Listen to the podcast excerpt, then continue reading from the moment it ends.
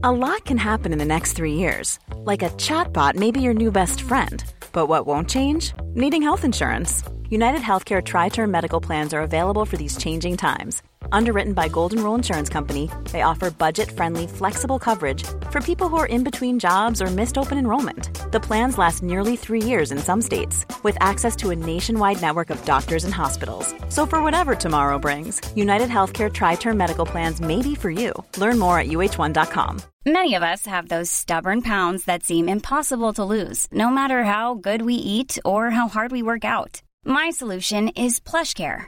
PlushCare is a leading telehealth provider with doctors who are there for you day and night to partner with you in your weight loss journey. They can prescribe FDA-approved weight loss medications like Wagovi and Zepbound for those who qualify. Plus, they accept most insurance plans. To get started, visit plushcare.com slash weight loss. That's plushcare.com slash weight loss.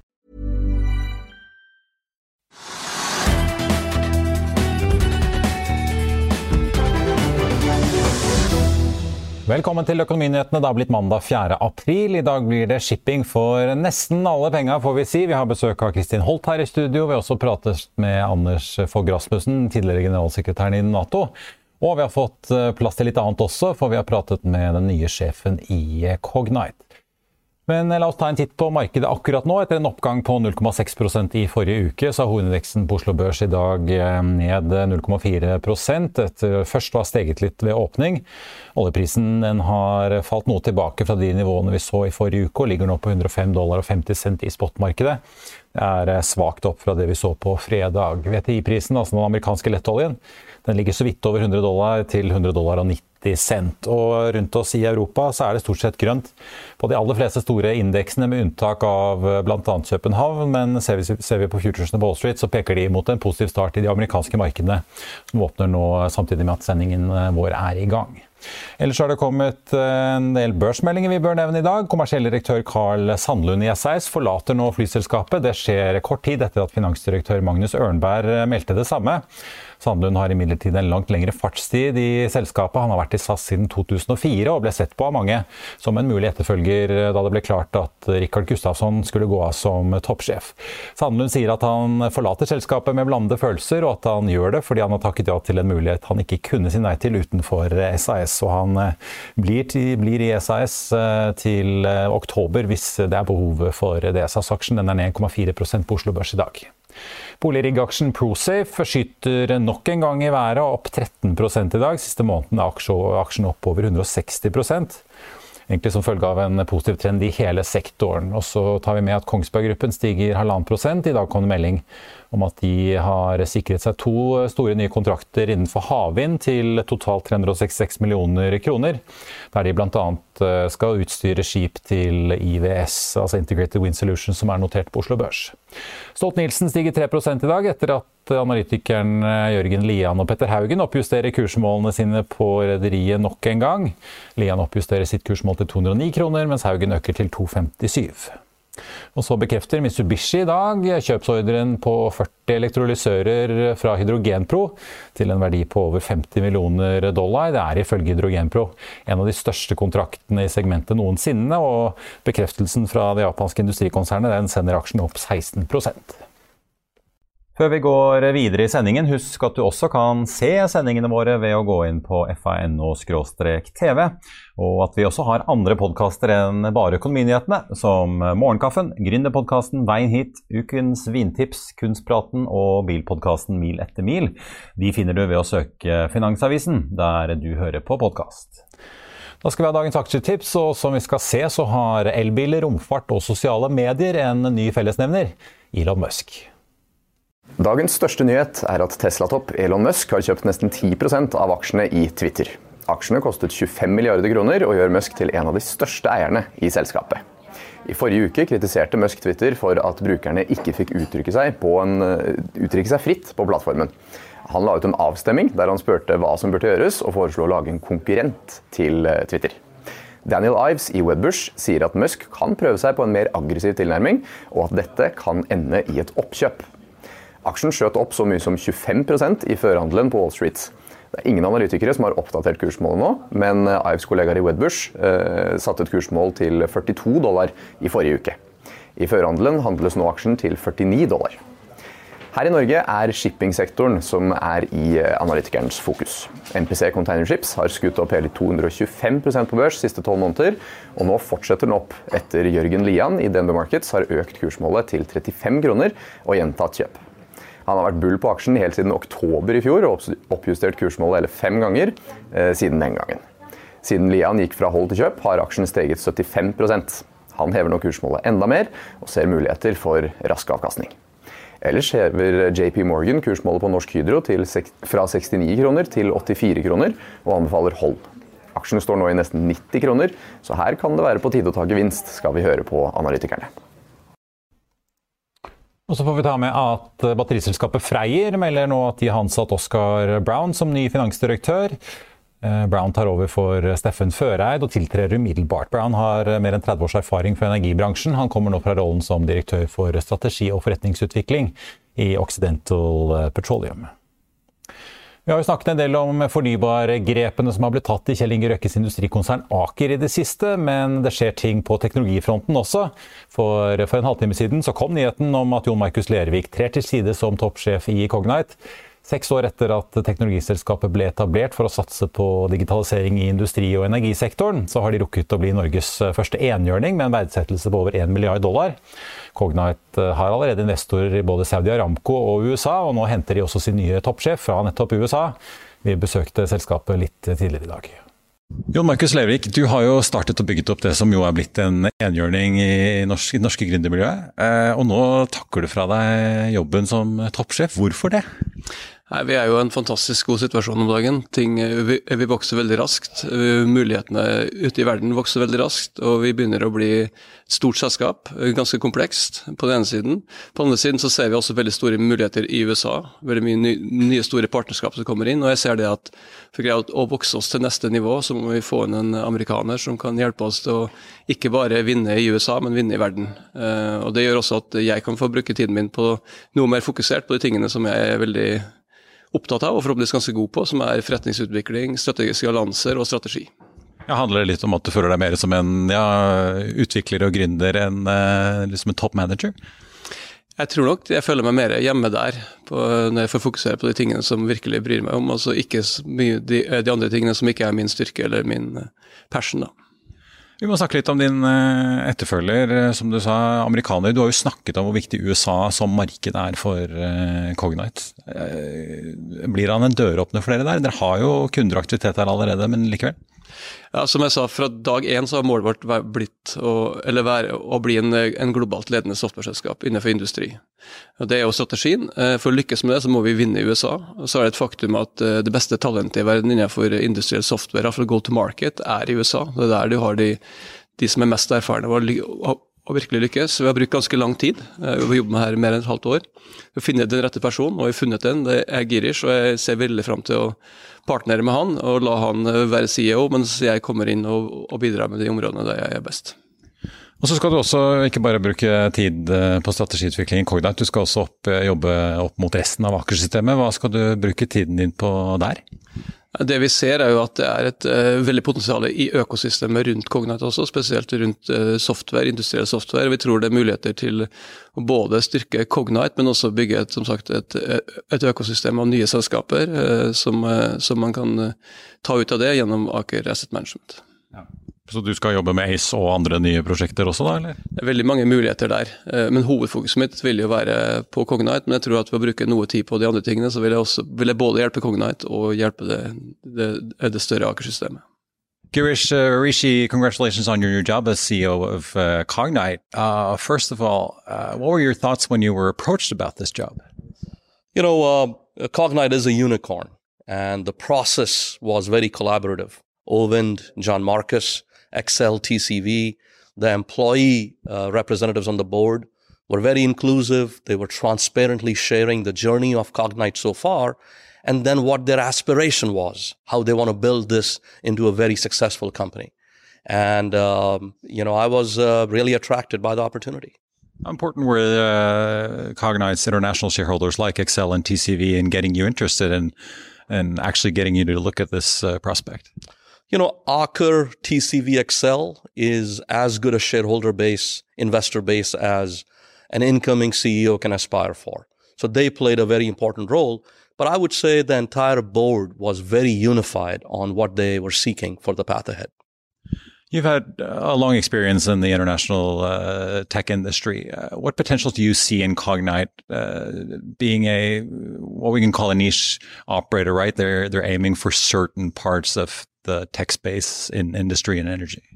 You know, John Marcus and I both believe this is the most compelling opportunity we both have come across in our respective careers. Uh, the potential for Cognite is to be an unbelievably large global company uh, that serves the energy and the industrial sector because the energy and the industrial sector need to digitize. They need to uh, materially make an impact on sustainability to be operationally uh, more efficient. And I see limitless possibilities here to build a very large global successful company.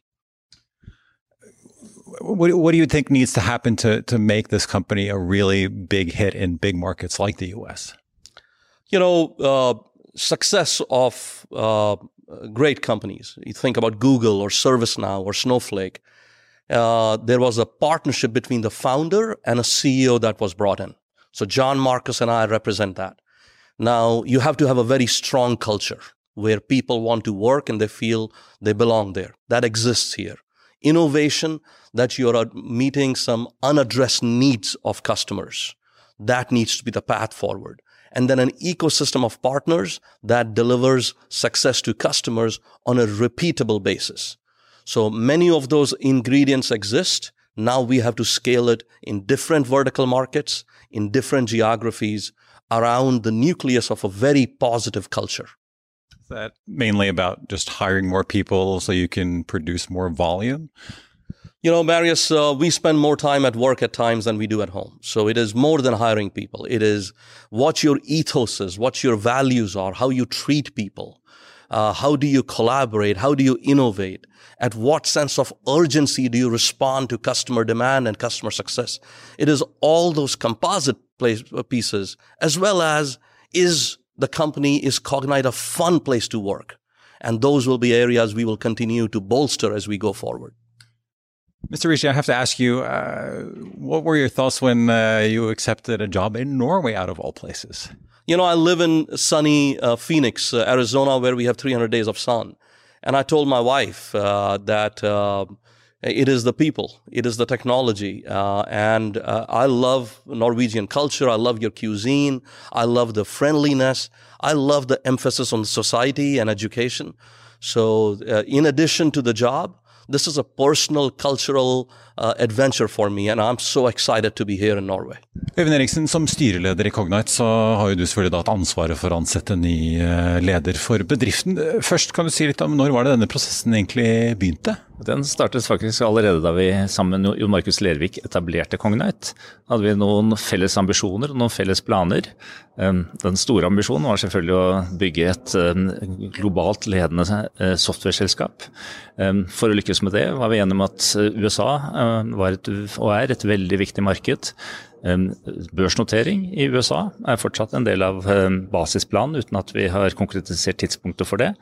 Eh, og Jon Markus var eh, tydelig overfor Aker og, og meg at han kunne lede selskapet til eh, et visst nivå, men han hadde intet ønske om å være daglig leder i et stort globalt selskap på vei mot børs.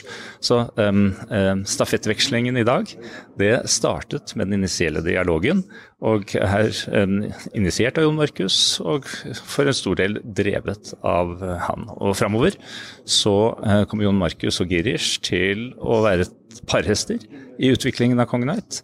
Og eh, med deres komplementære eh, bakgrunn og eh, kompetanse, så får vi et knallsterkt team til å ta Cognite til neste nivå. Denne bedriften fikk jo det som populært kalles enhjørningsstatus i fjor, da dere hentet kapital fra TCV. Eh, var det det som på en måte ble et litt sånn vannskille i tankegangen, at man begynte å bli ganske store nå? Strategien har jo ligget fast, men den bekreftelsen som vi har fått fra først Aksel, så TCV og nå nylig Saudi Ramco som medeiere i Kongenøyt, har selvfølgelig inspirert oss til å se mulighetene både større og raskere enn det vi gjorde selv. Og eh, i denne prosessen, hvor vi har eh, rekruttert Girish Rishi, som har en imponerende bakgrunn eh, fra sammenlignbare situasjoner, hvor han har brakt software-selskaper opp til globale aktører, så har TCV og Axel vært veldig hjelpsomme gjennom sitt nettverk og vært aktive i å bringe om bord det vi mener er den beste til å ta Cognite videre. Du snakker jo, ikke Han kommer fra USA, han leder jo en stor bedrift i dag, har jo lang erfaring. Kognat har jo rekruttert mange fra en rekke land hit til Norge. Eh, hva har dere måttet legge på bordet for å få han til å faktisk ta denne jobben? Og eh, han har jo sikkert mange andre tilbud også? Ja, Girish er en etterspurt eh, leder. I Cognite får han det vi anser som markedsvilkår. Både lønn, bonus og en mulighet til fram i tid å bli en medeier i. Men ikke per i dag? Eh, eh, det er en del av avtalen med han at han får opsjon til å komme inn over tid som en ikke ubetydelig medeier også i Kongenheit, sånn at vi har full alignment of interest, som det heter på godt norsk. Kan du si noe om totalstørrelsen på denne pakken? Nei, det går vi ikke ut med i dag, men det er en, en, en vilkår som jeg oppfatter som rimelige ut fra hva som er markedspraksis for denne type selskaper. Og John Markus eh, han forblir også aksjonær i Cognite fremover? Det gjør han, men i tillegg så blir han en sentral bidragsyter um, på teamet til Girish. Um, han vil fokusere på produktutvikling, han vil um, drive utviklingen av de store partnerskapene og kundeforholdene. og han er sentral, ikke minst i joint venture med Saudi Ramco og oppbyggingen av vår virksomhet i Japan. There's never been a faster or easier way to start your weight loss journey than with PlushCare. PlushCare accepts most insurance plans and gives you online access to board-certified physicians who can prescribe FDA-approved weight loss medications like Wigovi and Zepbound for those who qualify. Take charge of your health and speak with a board-certified physician about a weight loss plan that's right for you. Get started today at plushcare.com slash weight loss. That's plushcare.com slash weight loss. plushcare.com slash weightloss. I'll see you in court. Vi sier det ofte litt på spøk, men for deg som driver business, er det aldri moro å innse at du ikke har laget en 100% gyldig kontrakt. Du bør ikke risikere hele firmaet ditt fordi du synes dette med kontrakter er litt stress. En avtale er ikke en avtale.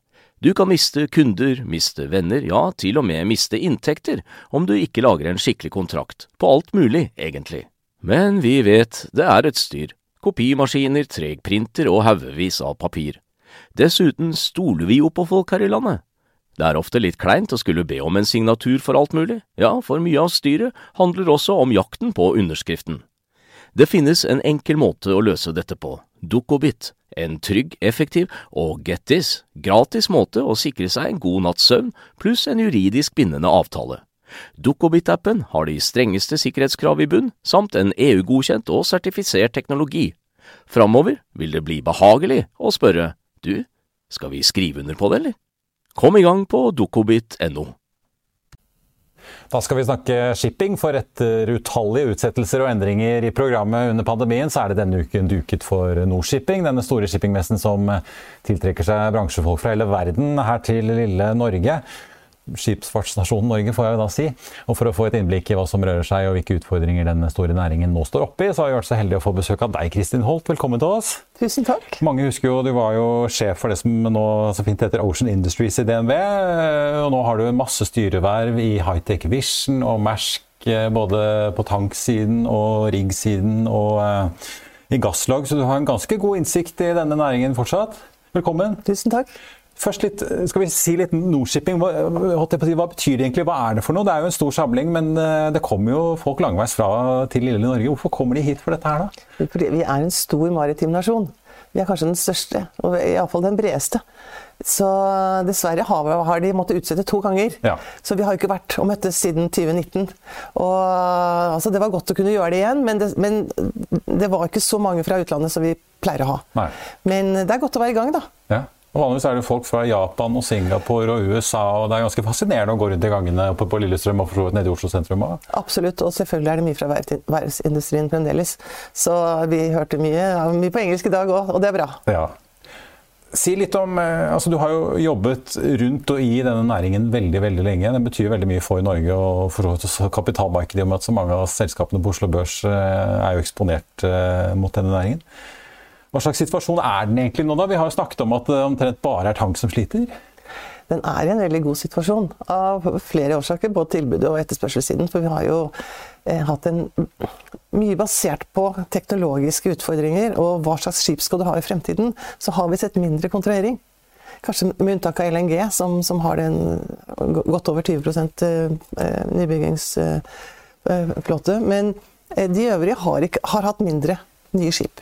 Og det gir en bedre og bedre balanse. Pluss at vi har hatt en økt etterspørsel f.eks. i container, i tørrbulk. Så vi har jo fått mye bedre markeder, med unntak av tank. tank. Ja, og det er ofte den man, tank, ja. ja, det er, den man ofte liksom eh, Det er shipping. Eh, men, eh, men de andre områdene har hatt det ganske bra, så det er en mye bedre stemning.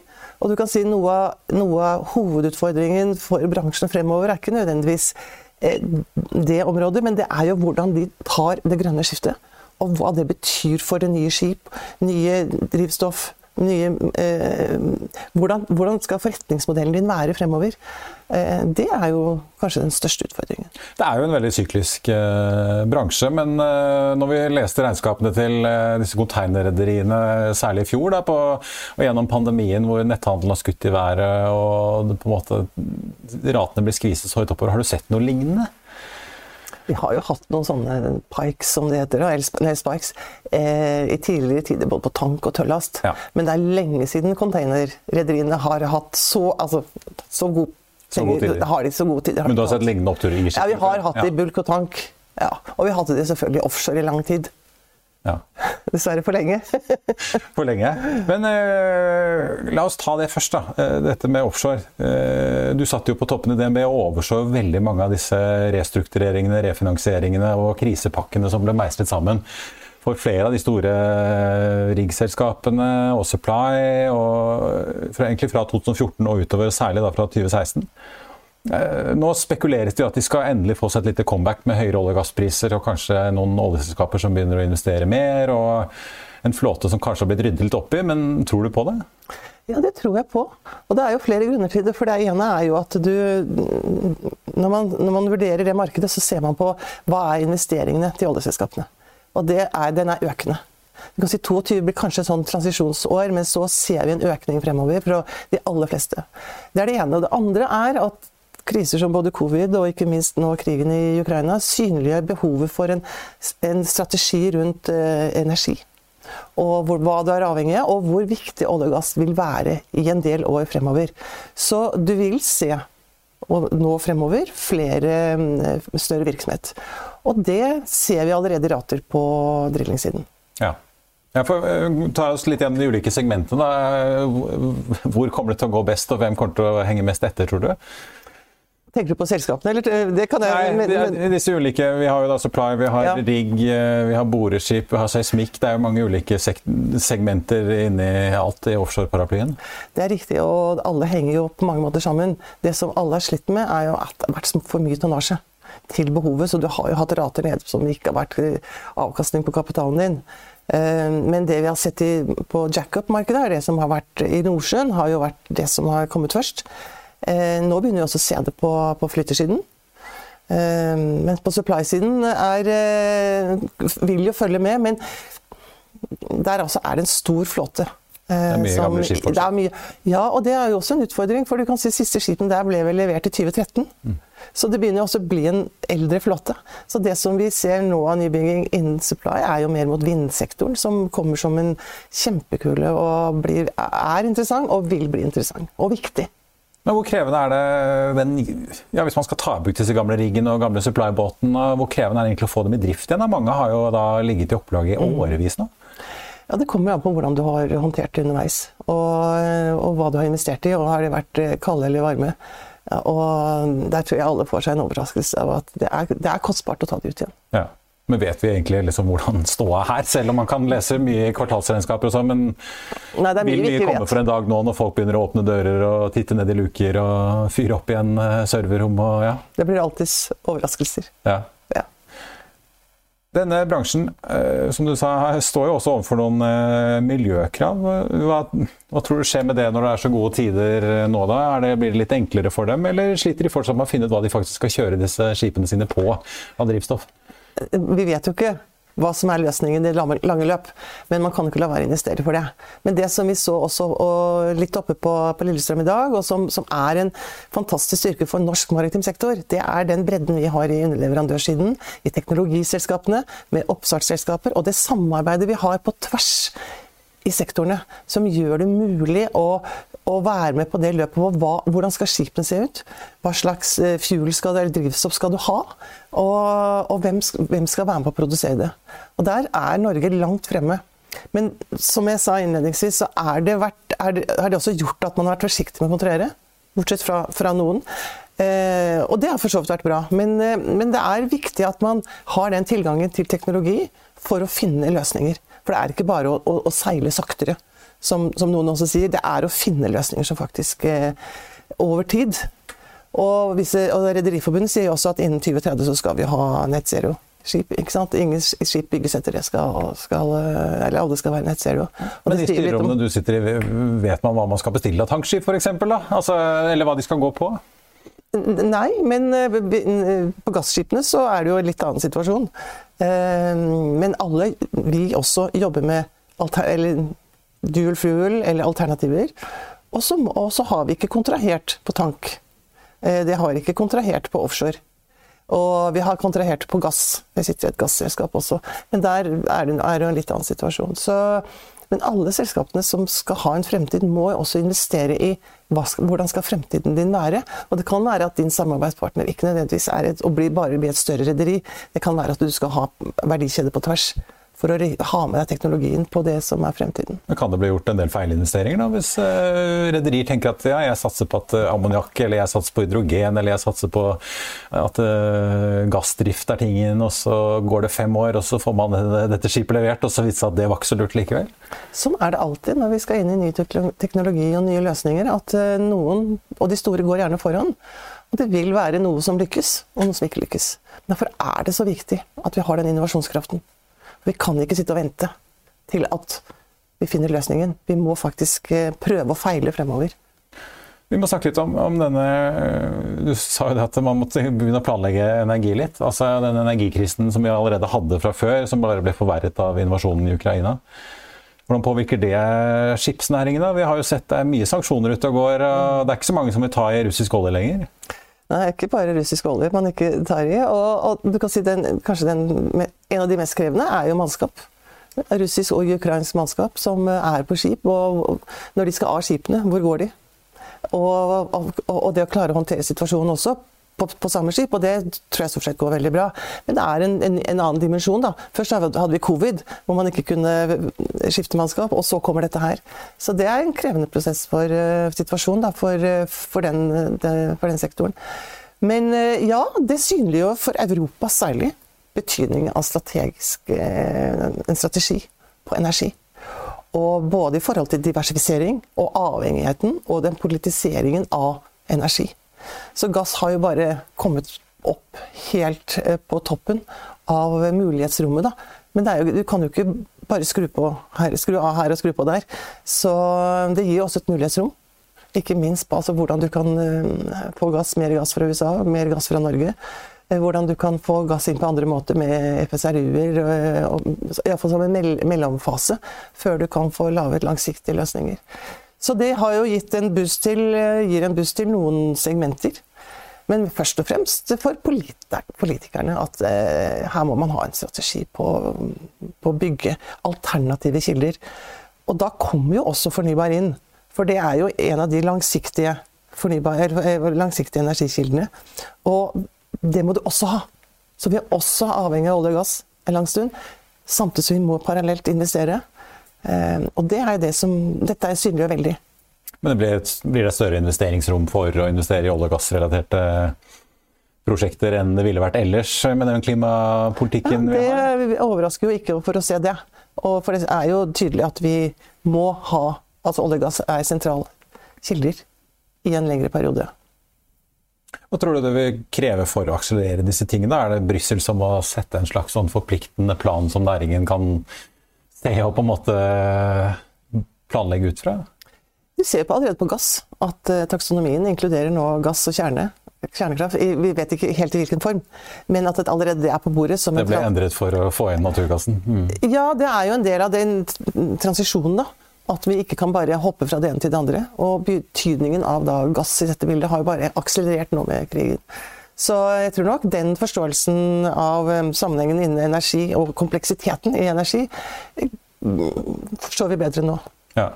Tror du det er en reell økt? Altså, det har jo vært mye diskusjon om uh, ja, det å investere i olje og gass for fremtidsrettet er men Tror du investeringsverdien øker i aktører? Du sitter jo i styret i Hightech Vision. altså Mange av disse sentrale aktørene, ikke bare i Norge, men eh, rundt i Europa også, øker investeringsviljen når de ser nå kanskje at politikerne ønsker å erstatte alle disse energivolumene fra Russland? Jeg tror vi kan si at uh, de selskapene som nå uh, tar transisjonen på alvor, og gjør det med, på best måte i forhold til uh, utslipp, i forhold til tekniske løsninger. Det er jo de som alltid får, altså, får tilgang på kapital og ressurser. Men det vil jo også akselerere investeringen i fornybar. Mye større. For vi ser jo at det er jo fremtiden. Men vi må gjøre det beste ut av den transisjonsperioden. Mm. Til å komme dit vi, dit vi, skal. Og næringen må kanskje leve lenge med sanksjoner mot Russland? Ja, det tror jeg. Altså, vi må iallfall planlegge for det. Vi kan jo håpe et mye kortere løp enn, eh, enn det ser ut til nå. Men, men, at man må ha en eh, langsiktig plan for at dette vil vare lenger, det, det, det er jeg helt sikker på. Og det, det er jo ethvert hvert styres ansvar å sitte og ha planer for både A og B. Og de planene, om ikke de var der fra før, så legges de i hvert fall nå? Nå legges de i hvert fall. Mm. Kristin Hott, tusen takk for at du kom til oss, og god Nordshipping-uke, får vi si. Tusen takk skal du ha. Vi skal holde oss innen shipping, for en av hovedtalerne på Nordshipping-messen i år er Anders Fogh Rasmussen. Den tidligere generalsekretæren i Nato er jo da Jens Stoltenbergs forgjenger. Og han var også på 2000-tallet dansk statsminister. Jeg traff Fogh Rasmussen i Oslo sentrum eh, før talene hans for å spørre bl.a. om hva slags råd han nå gir skipsfarten. Hvordan Europa kan løse energikrisen sin, og ikke minst hva han mener vi i Norge bør gjøre. Anders eh, Fogh Rasmussen, tidligere dansk statsminister og generalsekretær i Nato. Velkommen tilbake til eh, Norge. Får jeg si, Du skal tale til Nordshipping, hvor da ikke bare den norske, men hele den globale shippingbransjen kommer hit til Oslo. Hva er hovedbudskapet ditt nå som det tross alt har blitt krig i Europa? Ja, Mitt hovedbudskap til shippingbransjen vil være at uh, bransjen blir meget påvirket av krigen i Ukraina og i øvrigt også den strid, vi i forveien har med Kina. Jeg tror, vi, vi får en oppdelt verden, hvor vi har demokratier i en blok og autokratiske og diktatoriske lande i en annen blok. Og det betyder, at globaliseringen ændrer karakter. Virksomhetene vil ændre øh, deres produksjon. De vil lægge mer produksjon tættere på deres øh, hjemland. Og det vil selvfølgelig påvirke shippingbransjen ganske mye. 8-10 procent af alt gods i verden blir fragtet med skib. Så det er klart, det vil ha en veldig stor virkning. Du tror øh, shippingruter vil måtte endre seg, og at øh, de volumene vi har sett kanskje vil skifte? Ja, bestemt. Altså ruterne vil endre seg. Volumen vil øh, endre seg. Allerede nå er det faktisk mange skibe som seiler rundt uden riktig å vite hvorfra og hvortil, til, fordi de kan være ramt av sanktioner. Øh, og noen land har allerede forbudt russiske skibe at ankomme til eksempel Storbritannien og Kanada, og jeg tror, at EU snart vil gennemføre nøjagtigt det samme. Så shippingbranchen er helt i sentrum av den strid, vi har lige nu. Hva slags eh, relasjon bør shippingbransjen eh, forberede seg på at de må ha til Russland og deres allierte? Vil også shippingbransjen på sikt litt, måtte ha et kjølig forhold til dem pga. sanksjoner, eller tror du disse sanksjonene er mer kortvarige og karakter? Jeg tror at sanksjonene blir meget langvarige, og jeg tror i hvert fall at sanksjonene i vidt omfang vil fortsette så lenge Putin er president i Russland.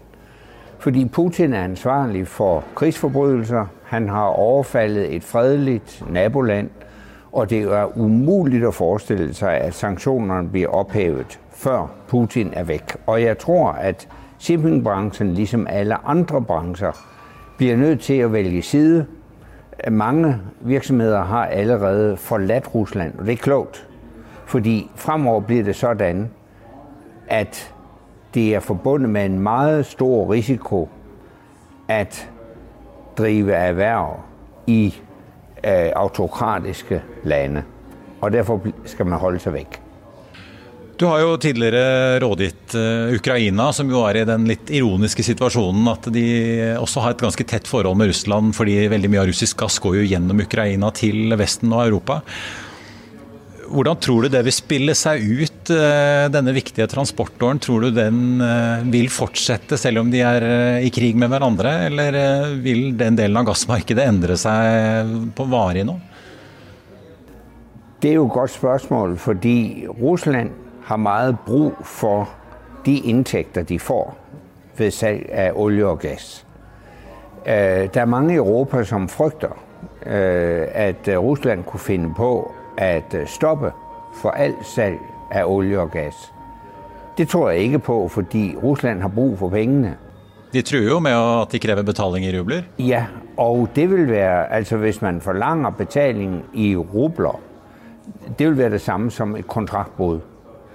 Og jeg synes at vi under alle omstendigheter fra Europas side burde si til russerne vi stopper alt køb av russisk olje og gass. Det kan godt lade sig gøre. Det vil selvfølgelig, der vil være en pris at betale, men den pris, den bliver meget, større, hvis krigen fortsætter. Det er bedre at gøre det nu, og det er bedre, at det er os, der stopper for købet af russisk olie og gas, end at russerne de boykotter oss. Men øh, ja, en pris, øh, sier du, for at øh, Europa skal klare å gjøre seg uavhengig av russisk energi. Men er det i det hele tatt fysisk mulig med de enorme energimengdene som kommer inn gjennom russiske rørledninger inn til Europa hver eneste dag? Det er selvfølgelig meget store mengder vi taler om, men det kan godt lade seg gjøre. Altså hvis vi f.eks. tar gass, så kan vi øh, tilføre mer LNG-gass, altså gass der kommer med skip, flydende gass, til Europa. Vi kan spare 10-12 procent. Øh, Norge og andre lande kunne øge deres produksjon av olje og gass, og vi kunne ta av lagrene. De fire elementer til sammen gjør at vi kan utmerket klare oss uten russisk gass.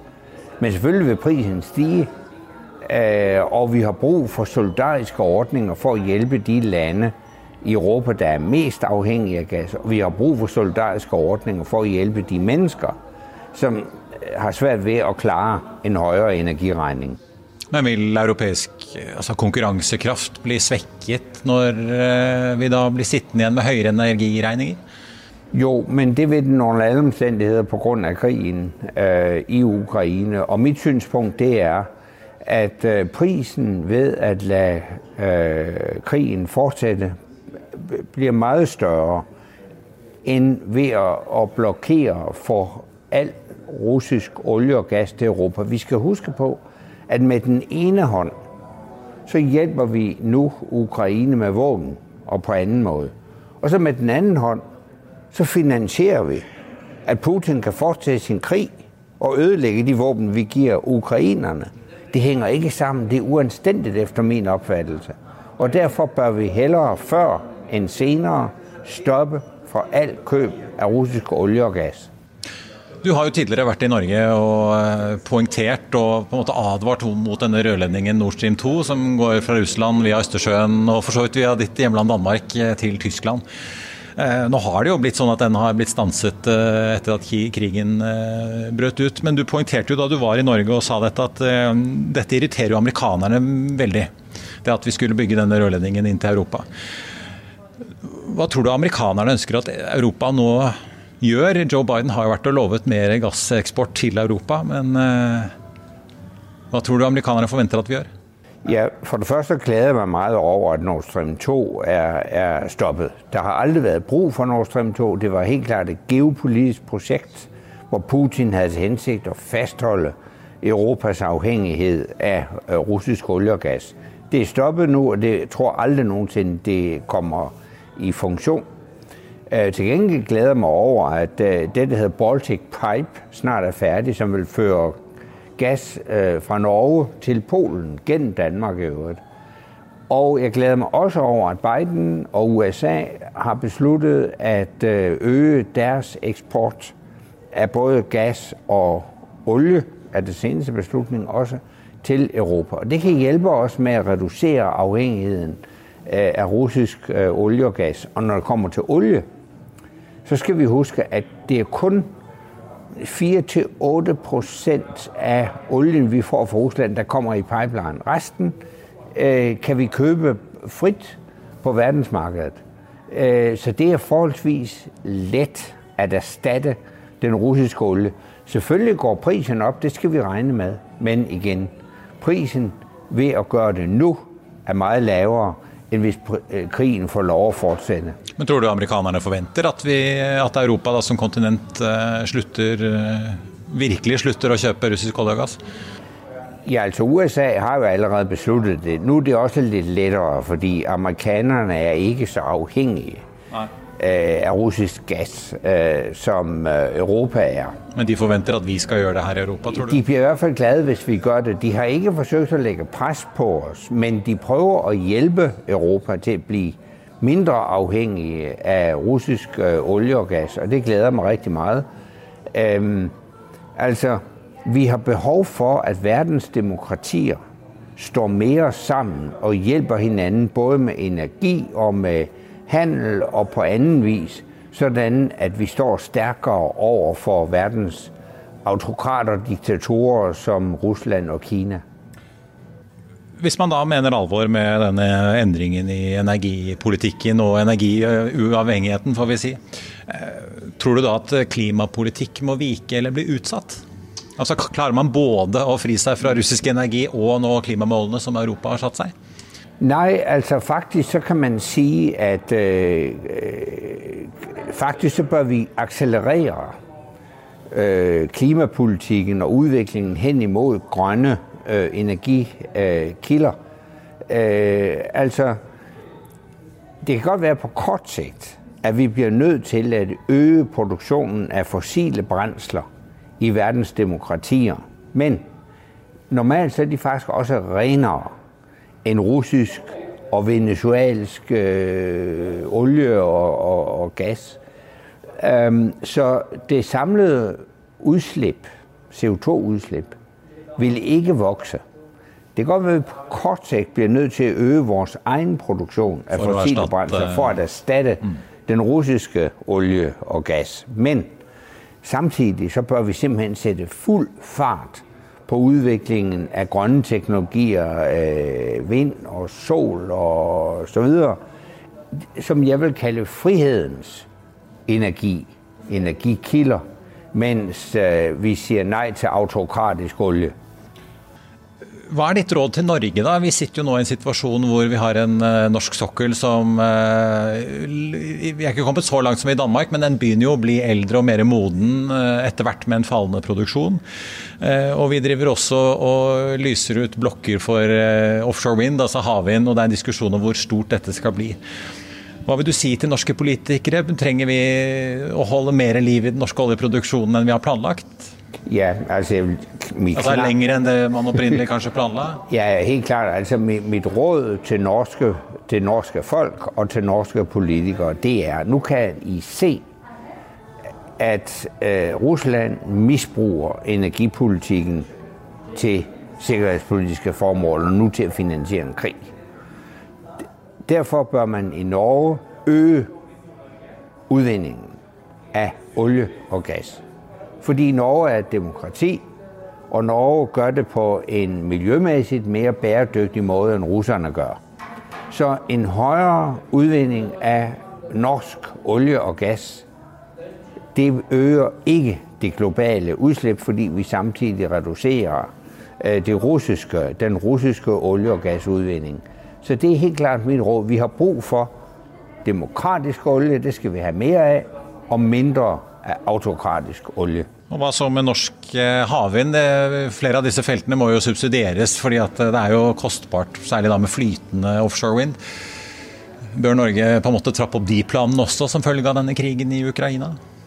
Ja, altså utvikling av vindkraft, øh, helt klart. Altså, jeg syns at vi på alle punkter bør øh, øh, speede opp når det gjelder alternative energikilder. Det gjelder Norge, det gjelder også i, i, i Danmark. Øh, og øh, dessuten så syns jeg øvrigt også at man bør øh, investere mer i teknologier hvor vi samler CO2 opp og putter det ned i øh, jorden.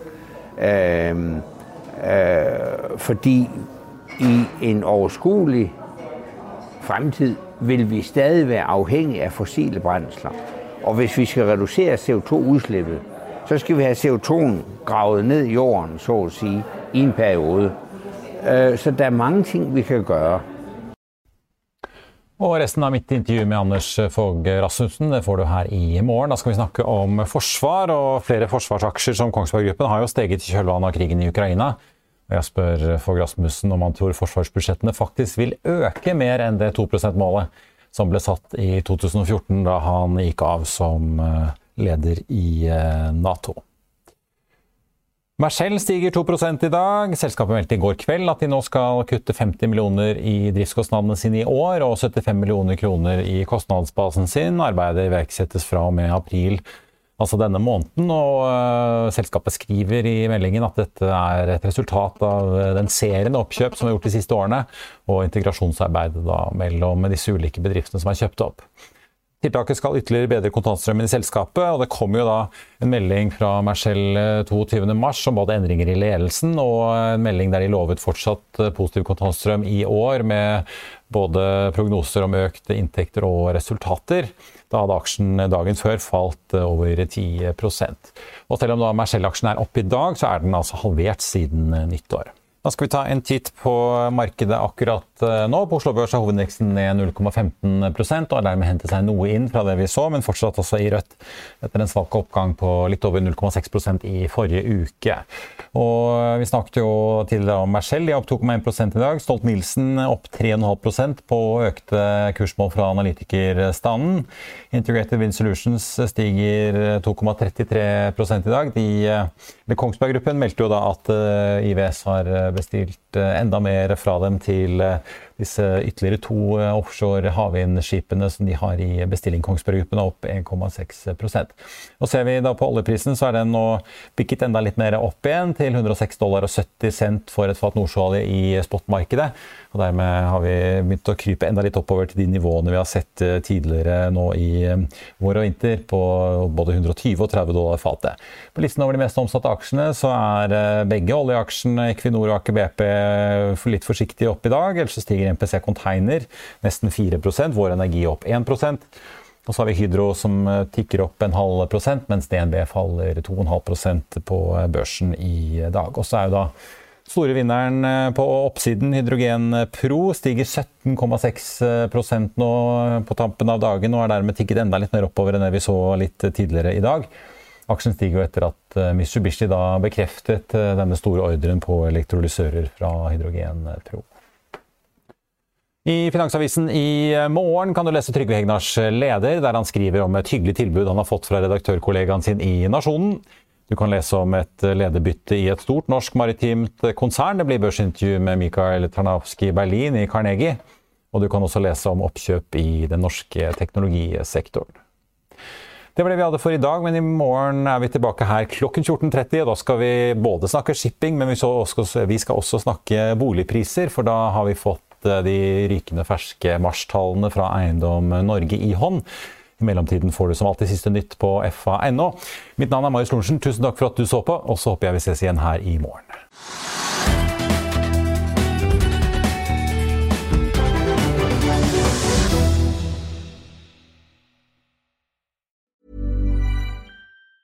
Planning for your next trip? Elevate your travel style with Quince. Quince has all the jet setting essentials you'll want for your next getaway, like European linen, premium luggage options, buttery soft Italian leather bags, and so much more. And it's all priced at 50 to 80% less than similar brands. Plus, Quince only works with factories that use safe and ethical manufacturing practices. Pack your bags with high-quality essentials you'll be wearing for vacations to come with Quince. Go to quince.com slash trip for free shipping and 365-day returns.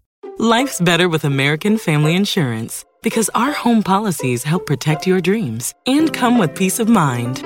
Save up to 25% by bundling home, auto, and life. American Family Insurance. Get a quote, find an agent at amfam.com. Products not available in every state. Discounts may not apply to all coverages on an auto or home policy. Discounts do not apply to life insurance policies. Visit mfm.com to learn how discounts may apply to you. American Family Mutual Insurance Company SI and its operating companies American Family Life Insurance Company 6000 American Parkway, Madison, Wisconsin.